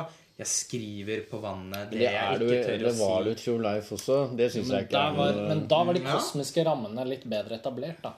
Da følte jeg liksom innenfor dette så kan man si ganske mye. Uten Ja. å ja. liksom, men Den gikk vel heller ned underveis. Ja, og, så, og, og gikk sånne liksom- Pluss sånne, pluss sånne ting som liksom Olga, og Når Olga Kurilenko liksom Åpne meg, treng inn i meg Da syns jeg vi nærmer oss en veldig Aune Sand, da. Som jeg ikke, heller ikke syns er tilfellet for Free of Life. Selv om uh, Maliks poesi er veldig lett å gjøre ap med uh, i alle filmene hans, egentlig, så er det på en litt annen måte her. Det er en distinksjon mellom det, det er ikke nødvendigvis ikke, For meg er det ikke sånn at enten så syns jeg alt det, han, alt det er bra, eller så syns jeg ikke det. Jeg syns jo også han kan være dårligere på det han pleier å gjøre. Og det, jeg syns jo jo noen av de bildene han kommer fram med her, er litt pinlig, rett og slett. Eh, men det kan jeg godt svelge hvis det bare Hvis helheten dreper det, da. Men særlig mot slutten her så syns jeg det blir en kakafoni av, av sånne ting. Og, eh, og, og da syns jeg også plutselig så har liksom filmen mistet det den hadde, syns jeg. Det med at bli tatt til et sted forsøke å ta bolig et sted, forsøke å koble seg på et annet menneske da, Men da bare liksom tyter det ut. Eh, og, ja, og rett og slett også i litt I hvert fall for meg personlig bare en dårlig smak. Og der sluttet den, og det syns jeg var dumt. Mm. Dette er en film jeg tror vi kommer til å altså Det er ingen tvil om at eh, For det første så blir det interessant, sånn som for, for vår del begge, både du og meg, Sveinung, at vi vi kommer helt sikkert til å se Du åpenbart, da, men jeg kommer også til å ønske å se den filmen om igjen. Eh, mm. Uh, og, det, og, og, uansett hvor kritisk jeg er mot den, så er det noe med Malik som gjør at det er alltid vanskelig å si hva slags etterliv en film får hos mm. en selv. Mm. For meg kan det jo bare gå én vei, så da er det jo på en måte litt greit. Men, uh, men uh, det er jo i hvert fall en film det garantert blir naturlig å komme tilbake til. Og jeg kan godt se for meg at man ved årsslutt vil ha en podkast hvor, hvor, den fort kan ende opp på noens favorittlister og være nederst på andres. Men, ja, og, og, og, bare som nå Som sagt, det var den siste delen av filmen vi snakket om til slutt. Ja. Da ble jo altså jeg veldig negativ, da. Ja. Men, eh, men fram til det altså, så, så, liker jeg faktisk filmen godt. Eh, mm. og syns jo det er absolutt en film jeg vil anbefale. på en måte Og, og, det, og det, er altså sånn som en bit i hans Jeg syns nok det er den første parentesen i Terence Malick sin karriere. Um, og jeg syns langt ifra det er noe mesterverk, men uh, men jeg syns det er veldig mye bra der. Og jeg gleder meg til å se den igjen. Og forhåpentligvis kanskje enda, like den enda litt bedre. Men eh, Eller enda like den litt bedre. Eh, for jeg skulle jo strengt tatt eh, Når man møter en filmskaper med liksom sånn, nesten sånn prinsipielt høye forventninger, så syns jeg også det var på en måte en nedtur. Men fordi forventningene mine ble så justert av særlig Karsten sin tilbakemelding og, og, andre kritikker jeg har lest også, så ble det jo også på en måte litt en opptur. Men den øh, Ja. Men, ja. men jeg, jeg, jeg syns det er veldig mye bra der. Men jeg føler vel for første gang at han ikke liksom ror det i land. Ja, jeg syns jo virkelig at det er en film jeg ikke vil anbefale. Ja. Særlig, særlig overfor de som ikke har så god kjennskap til Malik. Det kan ikke jeg heller. Jeg, frykt, jeg, frykter liksom ideen om at uh, Rachel McAdams-fansen som elsket The Notebook, setter seg ned med To The Wonder og aldri sverger og aldri se en film av denne regissøren igjen. på en måte det er et hypotetisk scenario, men jeg kjenner veldig på det at når en film som dette har kommet i Maliks karriere, blir det desto viktigere når anledningen byr seg å introdusere de riktige Malik-filmene for noen som skal sette seg inn i han som regissør. Men der er vi ikke nødvendigvis uenige. Ja, nei, og dog tror jeg nok også at jeg tror du overvurderer appellen til Maliks, Maliks andre filmer for kinogjengere flest også. Jeg har vært på en ganske mange kinovisninger av Malik i mitt liv hvorvidt ingen av de har vært positive. Altså sånn eh, Husker jeg så hadde tok bussen, tok bussen, tok toget til Oslo. Han Hadde vært på fjellene. Toget ned til Oslo for å se på være på premieren av The New World på, på Colosseum. Satt midten av den absolutt beste plassen i salen. Forhåndsbestilt en uke i forveien. Eh, og satt der og var liksom Jeg var liksom oppløst i tårer når filmen var ferdig og følte at jeg hadde sett eh, et betydelig verk. Og det første jeg hører når lyset går opp, er Fy faen! Det er det jævligste har du sett noe Jeg har aldri sett så kjedelig film. Jeg. det var en sånn Spredde seg. liksom dårlig I køen på vei ut. Som ja. Og når jeg var på så The Tree of Life Én ting var å se den eller, Premieren kan, det er én ting. Det er én ting. Uh, å se den på Ringen kino. Og så, så, hva faen var det her for Jeg syns jeg sovna. Jeg, Den var så innmari lang. Jeg var ikke egentlig så lang. Men altså, så, jeg tror ikke Malik generelt er noe favoritt. Nei, det, men det, jeg, jeg, har ikke lyst til å liksom si det, da. For det får Altså Jeg synes jo det Jeg vet at ikke du gjør det nå, men, men det er jo en viss form for å undervurdere sin publikum eh, Jo på Det er, jo da, jo Og jeg, jeg tenker at jeg vil anbefale du har fått så mange erfaringer at du bare tenker sånn Jeg har gitt opp folk. Jeg har gitt opp folk.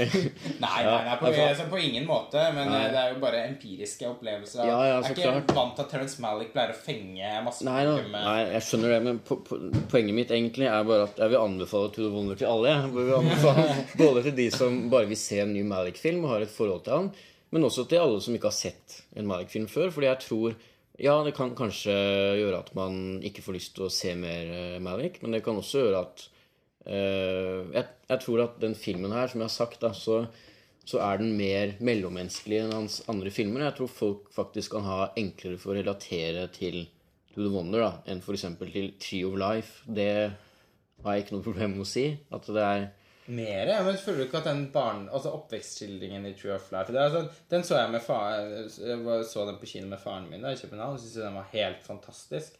Og det eh, handlet jo veldig mye om den oppvekstskildringen som var inni der. Som, jeg, som man kunne relatere seg veldig til. da. Jo da, men, men altså på samme måte som det er ikke alle som har hatt en sånn type oppvekst, så er det ikke alle som har hatt Nei, nei. et sånn type eh, forhold som det man ser i To The Wonder, selvfølgelig. Men det er liksom Det er et publikum for begge deler, da, tenker jeg, hvis man ser det helt sånn utover det at det er en Terence Malick-film. Og jeg tror det er mange som kan sette pris på To The Wonder uten å ha et forhold til Malick også. Bare for liksom Ja, se på den der menneskelige dynamikken i filmen, da. Selv om jeg er veldig uenig i konklusjonen din, Ja, så syns jeg jeg, det, men... det, så syns jeg det er en veldig fin måte å avrunde samtalen om To The Wonder på. Eh, Ikke fordi vi på døde liv må, men vi har jo introdusert det faktum at vi skal diskutere Park Chan-wooks Stoker også. Eh, Det blir nok litt mer eh, Kortere vendinger. kortere vendinger eh, fordi, av flere årsaker. Ja, men som en, som en men overbygning. som en overbygning, vil du det- ta ja, en For jeg har satt også på en overbygning, for jeg er også uenig med deg her. da Jeg tror nok tvert imot at dette er filmen med minst appell eh, generelt av, av de filmene Malik har laget. Og det mener jeg. jeg fordi den er Ja, for, for, for filminteresserte og folk som kjenner Malik, så er det jo et must uansett, tenker jeg. Eh, men for folk som ønsker å se en sterk kjærlighetshistorie på kino, så er jeg usikker. Eh, ja, det er der vi er uenige, da. ja, ja og det, det kan vi godt være uenige i. Trodde jeg du fikk siste ord i stad, men nå ble jeg helt usikker. Men eh, uansett, da. Nei, jo, Du hadde en overbygning. Ja, en overbygning. Og den handler om at det å få Fordi hvis man, man må jo ikke liksom Jeg syns det må være lov å kunne si at eh, filminteresserte gjerne har andre typer preferanser enn folk flest som skal gå og se film på kino. Ja, ja, Og det styrer jo litt av måten man anbefaler på. Så Man kan jo Mm. godt si at alle filmer kan anbefales til alle, bare de er bra nok. Men eh, jeg, jeg tenker liksom at det også må liksom tilpasses litt hvem man anbefaler det til. Og eh, den neste filmen vi skal snakke om, da, 'Stalker', er jo også på mange måter en ganske utpreget artfilm. Eh, Men det er i andre For meg, da. Det er en artfilm jeg ikke hadde hatt noen som helst problem med å anbefale nesten til alle. Fordi den syns jeg har en uh, Den er egentlig mye smalere enn det den kanskje er promotert som. Og det er Nicole Kidman og uh, Men uh, men, men så er jo egentlig filmen som sagt da, ganske smal. Men det er jo en, en, en veldig spesiell film som jeg tror veldig mange kunne hatt stor glede av hvis de først hadde gått og sett den. Det interessante med Park Chan-wooks Stoker er jo at vi, uten å spare lenger på hemmelighetene, at alle vi elsker den noe så inni i granskauen. Ja, Det er jo en helt fantastisk film. Helt fantastisk. Jeg gidder ikke liksom gå og bruke noe mer omstendelig tid på å komme til den konklusjonen. Uh, jeg hadde en helt liksom sånn vibrerende fet filmopplevelse med Stalker. Eh, Sveinung, eh, det virker som du Du hadde jo en double feature da, med to filmer du elsket den Ja. To The Wonder og Stalker, som du snakker om. Så det var en fantastisk dag for meg. Ja. Og det, du hadde jo samme, Var ikke dere på samme visning? Uh, Ja, jo, av Stoker, ja. Jo. ja. Mm. Eh, det var ikke noe da svakere for deg? Nei, på ingen måte. Jeg holdt meg da unna To The Wonder etterpå. Eh, litt, det var egentlig litt fordi det ikke passet òg. Jeg var, var egentlig veldig misunnelig på deg når vi skulle inn og se den etterpå. Selv om jeg prøvde å si at ja, men nå, nå vil jeg holde på Stoker. Og... Det hadde nok jeg kjempa på, men det var i og for seg eh, fint, det. Nå fikk jeg sett den i dag òg. Så, sånn, Stoker var Det var jo bare helt, helt, helt fantastisk. Eh, altså i den grad man ser på film som et eh, eh, en visuell eh, kunstform, et visuelt uttrykk, da. Det å kunne fortelle eh, med eh, visualitet er jo liksom eh, ja, et av de største dydene eh, innenfor, innenfor filmkunsten. Og der syns jeg jo han demonstrerer Altså Park Chan-wook demonstrerer noen ender i, den, i Stoker som er veldig sjeldne. Men bare for å si kort for de som ikke vet det, da, så handler Stoker om eh, Det er en veldig sånn enkel historie, egentlig. Manuset er kanskje det minst eh, ekstravagante, hvis man kan si det sånn, av alt i filmen. Eh, men Mia Westkowska spiller en ung jente som vokser opp i et litt sånn gotisk hjem. eller hva skal man kalle det? Så sånn veldig sånn Stort, flott sørstatshus med hage, og Nicole Kidman spiller hennes mor. Og faren hennes er akkurat dødd, så det er liksom begravelsen starter filmen. Og så kommer det en eh, onkel, onkel Charlie, som, eh, som hun bare har en sånn vag idé om. Han kommer til begravelsen og kommer til huset.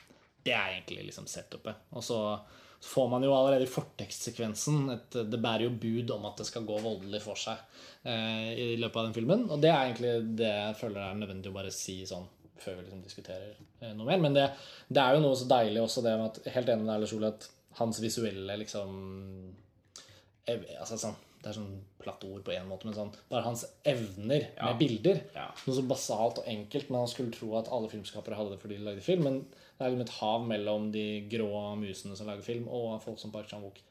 For Stoker gir jo han egentlig en mulighet til å flekse den muskelen vel så godt som han har gjort i noen av sine sørkoreanske filmer. Og, det, og tanken på at når han lager sin engelskspråklige debut, at han liksom blir mindre Park Chan-wook, det er en, eventuelt en misforståelse. For jeg har aldri sett han så Park Chan-wook Nei, det er det som er store her. gleden. Og de, han, tidligere har han hatt veldig kompliserte fortellinger. Ja. Alltid. Og det er derfor det var så Masse som skal gå opp, Ja. masse rare figurer Ja, som skal og, liksom og filmer som det ofte også er vanskelig å forstå fullt ut på første gjennomsyn. Det var jo mildt sagt ikke tilfellet for Stoker, som har en veldig sånn ren, renskåret uh, narrativ, på en måte. Men det var eh, noe av gleden med filmen da var å se han få lov til å boltre seg med et litt enklere materiale. Fordi da kan han jo, som du sier, i enda større grad få flekset musklene sine. Han gjør liksom Snakk om Man snakker jo ofte om at noen filmer er liksom ihjelregissert.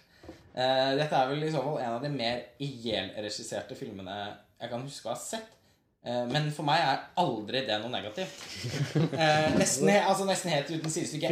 Filmen er jo treffende nok produsert av Scott Free, eh, produksjonsselskapet til Ridley og Tony Scott. Den er- Og de har jo- Scott, Rest in peace, men det er vel noe felles. Ja, de har, de har jo konsekvent ihjelregissert alle filmene de har gjort. The Hunger av Tony Scott eh, kan jo eh, Ja, den har sikkert Park Chan-wook eh, glede av.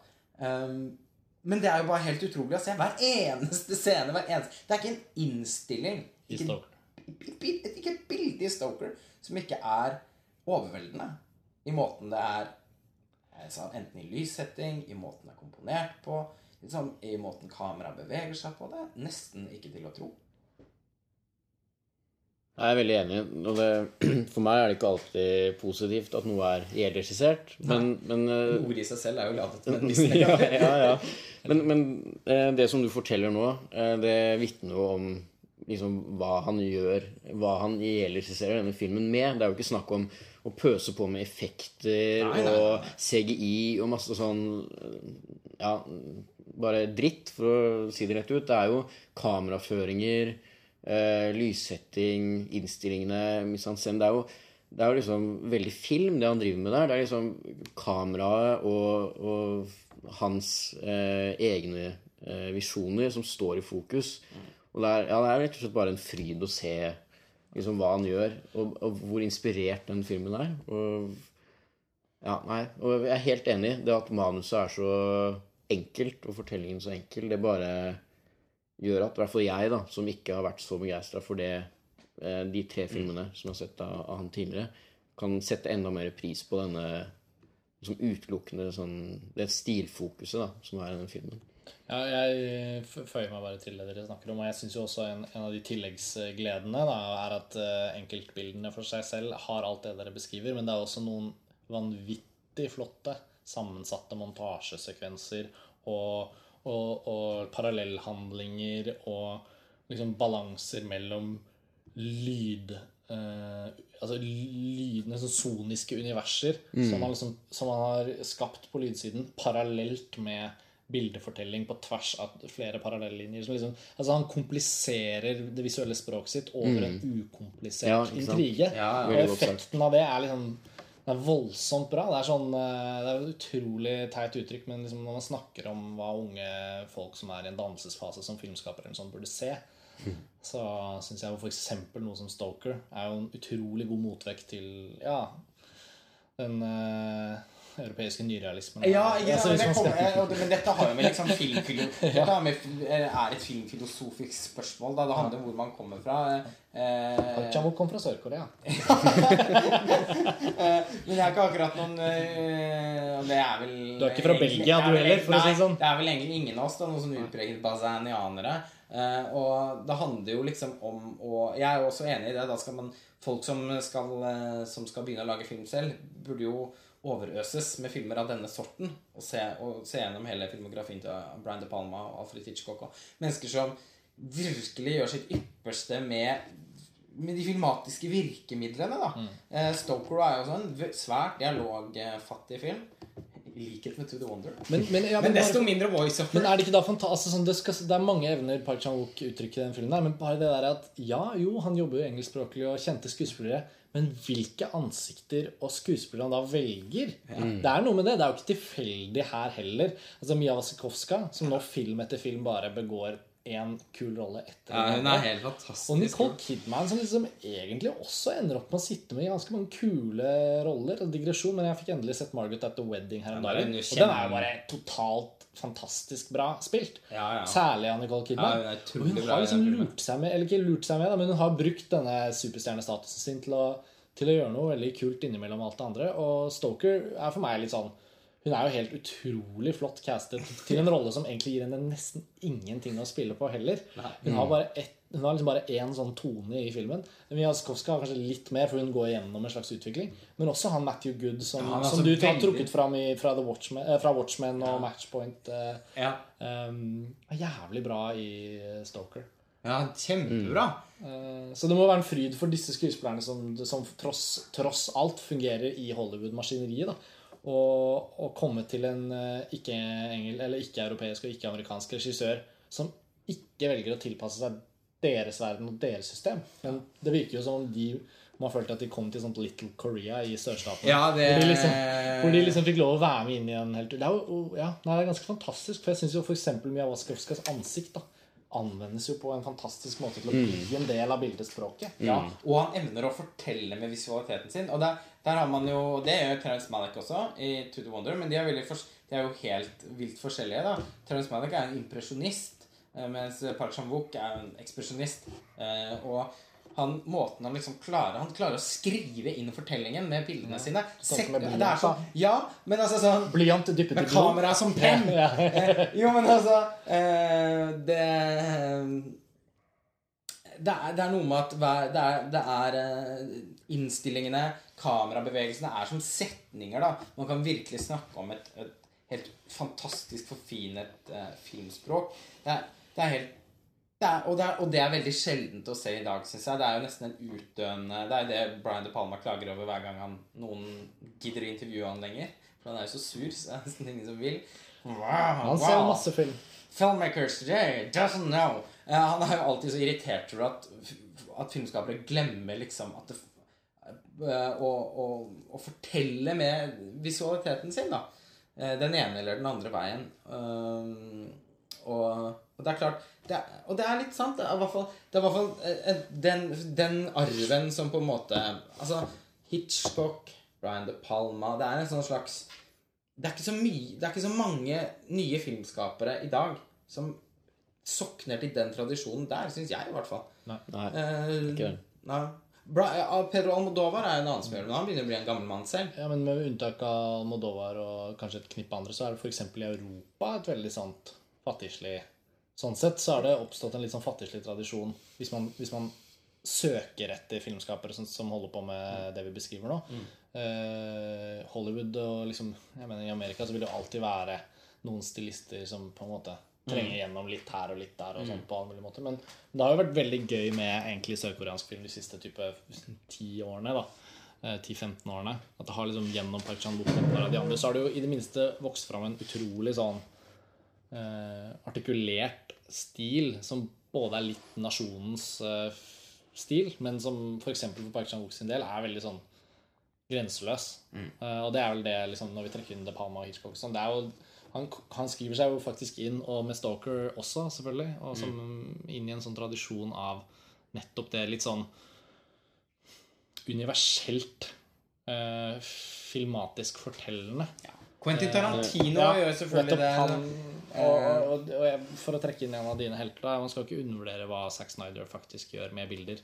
Eh, men på, liksom, på sin måte. Ja, ja. Eh, så ja, nei, Og det var et lite poeng du hadde i stad, som jeg syns var fint, det der med eh, Ja, altså Ja. Det med at han ikke Han kaster ikke inn alt mulig av formgrep heller. For det kan jo høres litt sånn ut når vi snakker.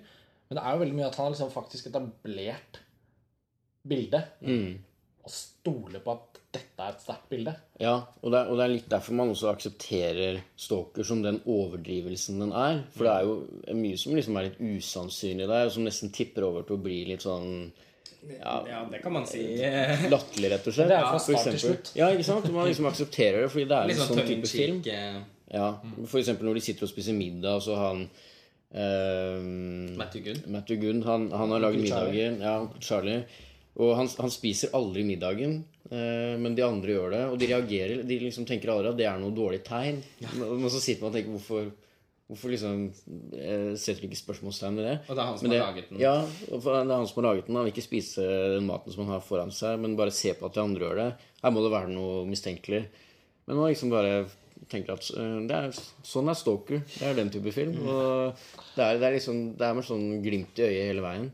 Ja. Uh, men jeg syns det er mange måter å fortelle gjennom bilder på, da. Og jeg syns det, eh, det er mange filmskapere som gjør det i Jo. dag, jeg. Men, men det er nettopp det der med det grenseløse. Det å liksom tørre å, å liksom overskride og, og ja, pøse på, men, men på den riktige måten, da, som Ja, vi snakker om. men- det, det er jeg er helt enig i. Det er liksom Ja, mangelvare i dag, da. Ja, pluss at liksom eh, eh, Det må liksom nyans... Altså, dette, Her må man liksom skrive en artikkel, egentlig. Liksom, Ja, vi får ikke komme til bunns i det nå, men Hva man egentlig mener med det. Men altså sånn eh, Det er ikke noe tvil om at liksom eh, Bruno Dumont sine filmer forteller jo også gjennom visualitet. Eller Michael Hanekes filmer, for den saks skyld. Eller, det, det gjør jo de fleste gode filmskapere på den ene eller den andre måten. Men eh, jeg, det jeg forsøker å fiske etter, er vel mer sånn et, et filmspråk hvor det visuelle på en veldig konsentrert måte skal uttrykke egenskaper ved karakterene i fortelling. Det er en, en ekspressiv form for filmspråk, da, som jeg føler at er litt sånn av moten Ja. nå til dags. Altså, jeg syns ikke det er så ofte at jeg ser en film nå og tenker åh, det var skikkelig sånn Hitchcock-aktig. Det er veldig sjeldent. Og denne filmen er det. Det gir også Park Chan-wook anledning faktisk til å fremstå. Han er jo åpenbart original og dyktig, men det er jo noe med at han er såpass alene om å gjøre den tingen han gjør nå, Ja. at han møter jo heller ikke egentlig noen konkurranse sånn sett. Så Nei, Nei, blir- friskhetselementet Ja. er han plutselig ganske alene om. Sånn... Mm. sånn Og det er veldig synd eksempel hvis en film som Stalker Det er jo en fare nå for at den blir liksom forsvinnende liten i norsk kinosammenheng. Den kommer blandet inn med noe Iron Man her og noe liksom, Det er jo jævlig mye gigagreier som pågår. Og en mager distribusjon er det ja, og den, kom, og den kommer jo egentlig inn på banen som en bitte, bitte liten film. Men den har egentlig noe av det mest ekstravagante å by på. Da. Og det er, liksom sånn, det er en sånn motsetning som er litt sånn kinopolitisk, men også som er litt sånn Ja, du, du sier det. Det er liksom noe med at hva er moten? Altså hva, hva er det bildespråket som fenger? Hvis man kan snakke om noe som fenger. Og egentlig tror jeg veldig mange vil oppleve at en film som Stalker fenger dem. Den har det ved seg. Den er nesten som et popriff. En sånn Ja, kunstfilm-popriff. og, det, og det, det er film Ja, det er film som, et, som musikk. Altså, det, den har, den, han viser en musikalitet da, i, som også mange av de gamle mesterne som, som jeg vet at vi alle dyrker veldig, gjør. Da? Se på 'Dress to Kill' av Brian De Palma, liksom. Og, og gå og se den i dag. Gå og se den på kino. Eh, På filmklubb, sånn som vi gjorde i Paris i fjor sommer. Eh, Det føles ut som å sette en sprøyte heroin rett inn i hovedpulsåra. Altså, sånn, sånn kan man også lage film. Sånn, masse musikk, masse bilder, eh, sparsommelig dialog, men likevel ikke Men likevel ikke sånn eh, på, på en sånn ja, som likevel ikke tilhører en sånn poetisk tradisjon hvor fortellingen er underordnet det, stemninger. For det er det jo ikke. Veldig narrativ filmskaping også. Drivende Det er den kombin der Ja. som jeg syns er så sjelden i dag. Almodovar holder også på med det. Ja. Og det er noe av grunnen til at jeg elsker han òg. Og bare, plutselig så bare gjør Chambouk det. Og, og med en litt mindre komplisert fortelling enn tidligere. Ja. Så blir det så fortryllende å se på. Så her er det vel ingen tvil om at vi sitter brenner inne med en anbefaling. Vi kan jo dessverre ikke diskutere Stalker nå like lenge som vi har brukt på To the Wonder, for vår tid er eh, brukt opp. Men eh, jeg føler vel at, at det er deilig å gå ut på en sånn eh, high note om det vi er enige om. Samtidig så syns jeg det var Det er jo Det snakker vi ofte om mellom slagene her, at det er deilig de anledningene vi har til å gå inn i en film på Filmfrelst med veldig forskjellige perspektiver. Og det er gøy, og jeg føler i løpet av en samtale som dette, så tvinges man jo til å utforske sine egne perspektiver på ny og alt det der. Og, det, og da føles det Jeg vil bare liksom avslutte med å liksom si liksom takk for praten. Det er jo ikke alltid vi gjør det, men det, men det er noe med at Ja, men det er når det kommer når det sånne stiger sånne filmer som det til overflaten, hvor man virkelig ja, hvor man virkelig må snakke om det da for å komme nærmere både sin egen og andres meninger. Det er noe tilfredsstillende. Ja, og man også kanskje er litt nødt til å Til å konfrontere hverandre med meningen òg. Altså, sånn, det er jo så sjelden man gjør det. For man, som regel så er man Ja, vi ender jo ofte opp med å være rimelig enige, ikke sant? Men sånn det at man øh, Men det at Ja, og, og her var vi jo egentlig på tre forskjellige nivåer, da. Ja. Uh, men jeg Så da kom vi trygt tilbake i havna igjen med Stalker, da. Så det var, Ja, det, da var vi rett tilbake igjen. Men, men det, jeg syns likevel er interessant at man Altså, en film som To the Wonder Men det kjenner jeg på. da Den inviterer liksom også til å Til å virkelig kunne være uenig på noen ting. Mm. Fordi det, det, den Mm. Det er jo det er en veldig det er en, det er en veldig merkelig film han har laget denne gangen, syns jeg. Jeg synes Det skal bli Det blir veldig spennende det, I alle tilfeller så blir det veldig spennende å liksom følge den filmens historie videre. Se liksom hvilket etterliv den får i hans uh, filmografi. Dette var jo da sånn sett kapittelet som vi kunne by på. Eh, og så får vi håpe at uh, lytterne eventuelt uh, deltar og, og melder seg i kommentarfeltet. Jeg ser f.eks. for, for meg at denne kan, kan forårsake en viss debatt, så fremt folk går og ser den. da. Det får vi se. Og, ja. og det samme for så vidt med Stoker. Kanskje, kanskje det er noen der ute som ikke syns den filmen kommuniserte i det hele tatt. Men eh, den kommer i hvert fall varmt anbefalt fra oss tre. Jeg tenker at vi må avslutte der. Ja, vi Takk må for at dere hører på Filmfrelst. Eh, Sveinung, Lars Ole, takk for denne gangen. Takk for nå. Så snakkes vi snart igjen på Filmfrelst. Ha det bra. Ha det bra.